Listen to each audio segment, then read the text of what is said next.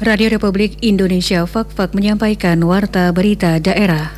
Sarana prasarana MTQ di distrik Tomage ya kami telah mempersiapkan baik itu rumah masyarakat maupun sarana prasarana di bidang pendidikan maupun kesehatan yang dipandang layak. Kita akan bayangkan bahwa teman-teman pemandu begitu juga yang ada di kabupaten atau ada yang di kampung-kampung di beberapa objek-objek yang akan kita prioritaskan sebagai pemandu untuk uji kompetensi nanti.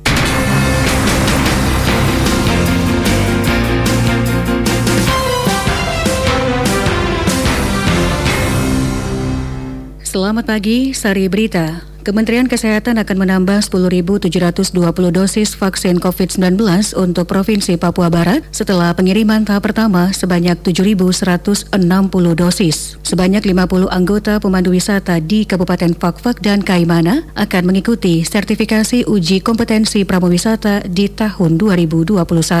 Itulah berita utama edisi hari ini, Senin 18 Januari 2021. Selengkapnya bersama saya, Siti Nur Aisyah. Thank you.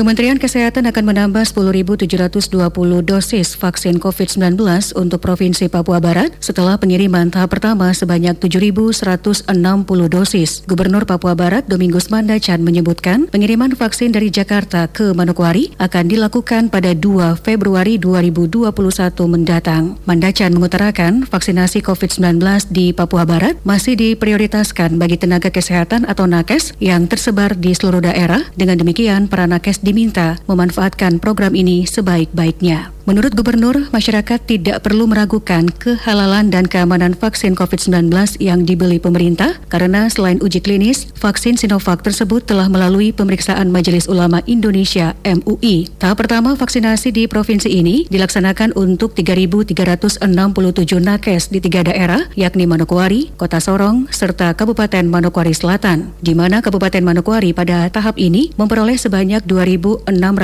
dosis vaksin COVID-19 Kota Sorong 1280 dan Manokwari Selatan 368 dosis vaksin. Setelah vaksin kedua tiba, vaksinasi tahap berikutnya akan dilaksanakan pada Februari 2021 meliputi Kabupaten Fakfak, Kaimana, Maibrat, Pegunungan Arfak, Raja Ampat, Kabupaten Sorong, Sorong Selatan, Tambrau, Teluk Bintuni, serta Teluk Wondama. Untuk Kabupaten Fakfak telah menyiapkan 882 nakes yang akan divaksinasi dan memperoleh jatah vaksin sebanyak 1.760 vaksin.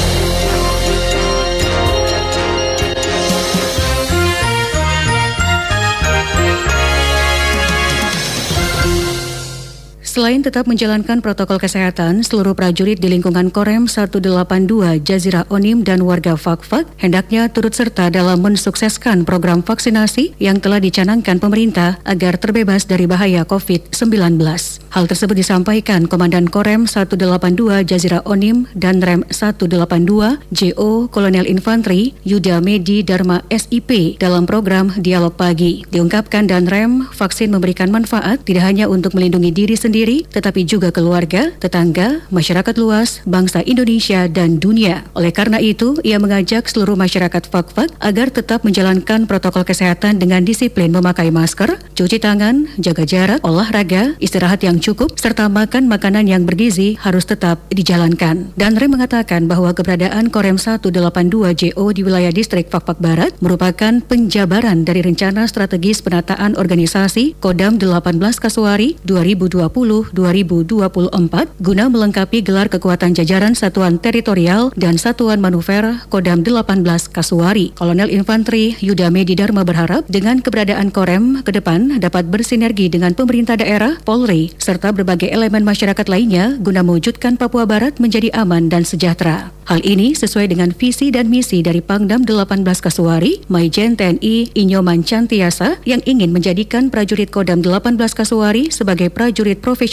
dan dicintai rakyat. Salah satu penjabaran hal tersebut, Korem memiliki moto di mana satu prajurit setiap hari berbuat satu kebaikan karena jati diri prajurit adalah sebagai tentara rakyat, tentara pejuang, tentara nasional, dan tentara profesional. Terima kasih Anda masih menyimak Warta Berita Daerah Produksi Radio Republik Indonesia Fakfa.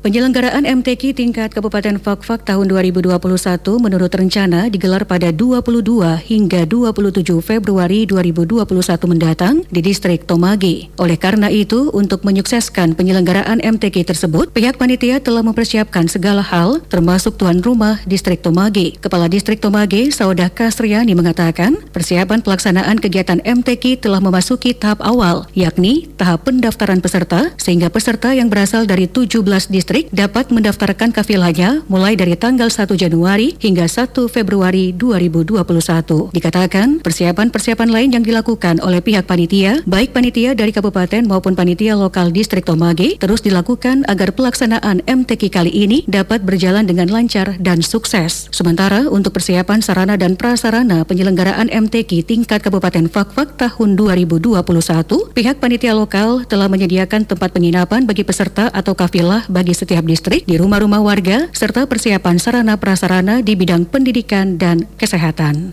Untuk persiapan dalam pelaksanaan kegiatan MTQ, kita sudah masuki tahapan awal yaitu tahapan pendaftaran. Tentunya diberikan kesempatan kepada 17 distrik mulai dari tanggal 1 Januari sampai dengan 1 Februari itu panitia telah melakukan pembukaan pendaftaran untuk mendaftarkan kafilah yang akan ikut pada MTQ ke-9 di distrik Tomage dan juga persiapan-persiapan lain yang dilakukan oleh panitia untuk mempersiapkan berbagai macam bentuk penunjang dalam pelaksanaan MTQ terus dilakukan oleh panitia baik itu panitia kabupaten maupun panitia lokal di tingkat distrik sehingga pelaksanaan MTQ ini dapat berjalan dengan lancar dan sukses.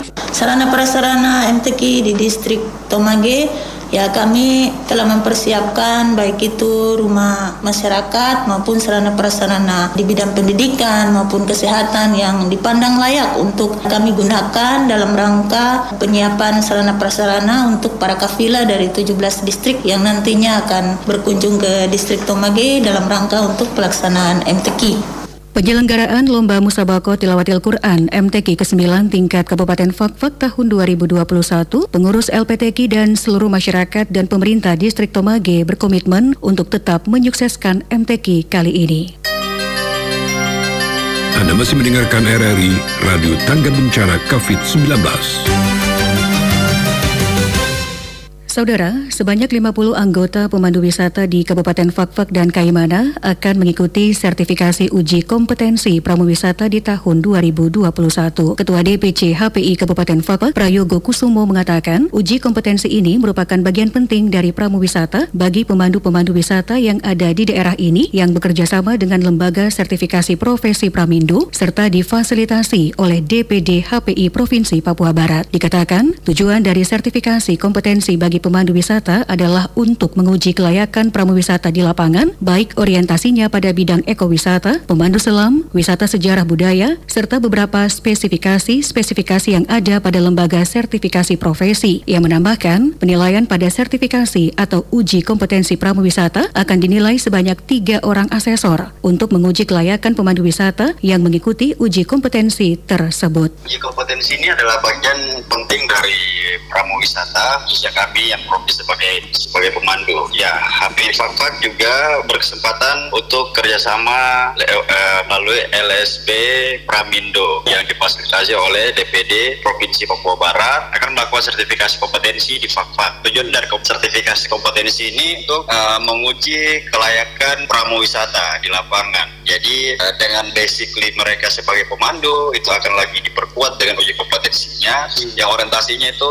ada ke ekowisata, ada pemandu selam, ada pemandu sejarah budaya, dan beberapa uh, spesifikasi-spesifikasi yang ada pada LSP nanti. Untuk promo wisata juga memang kita akan payakan buat teman-teman pemandu, begitu juga yang ada di kabupaten atau ada yang di kampung-kampung di beberapa objek-objek yang akan kita prioritaskan sebagai pemandu untuk uji kompetensi nanti. Sementara bagi pemandu wisata yang dinyatakan lulus atau berkompeten akan mendapatkan sertifikasi yang diterbitkan langsung oleh Kementerian Pramuwisata dan Ekonomi Kreatif lewat LSP, Lembaga Sertifikasi Profesi yang nantinya dapat menjadi pegangan bagi pramuwisata sebagai legalitas kompetensi untuk memandu wisata. Sekian Warta Berita Daerah Produksi Radio Republik Indonesia Fak-Fak.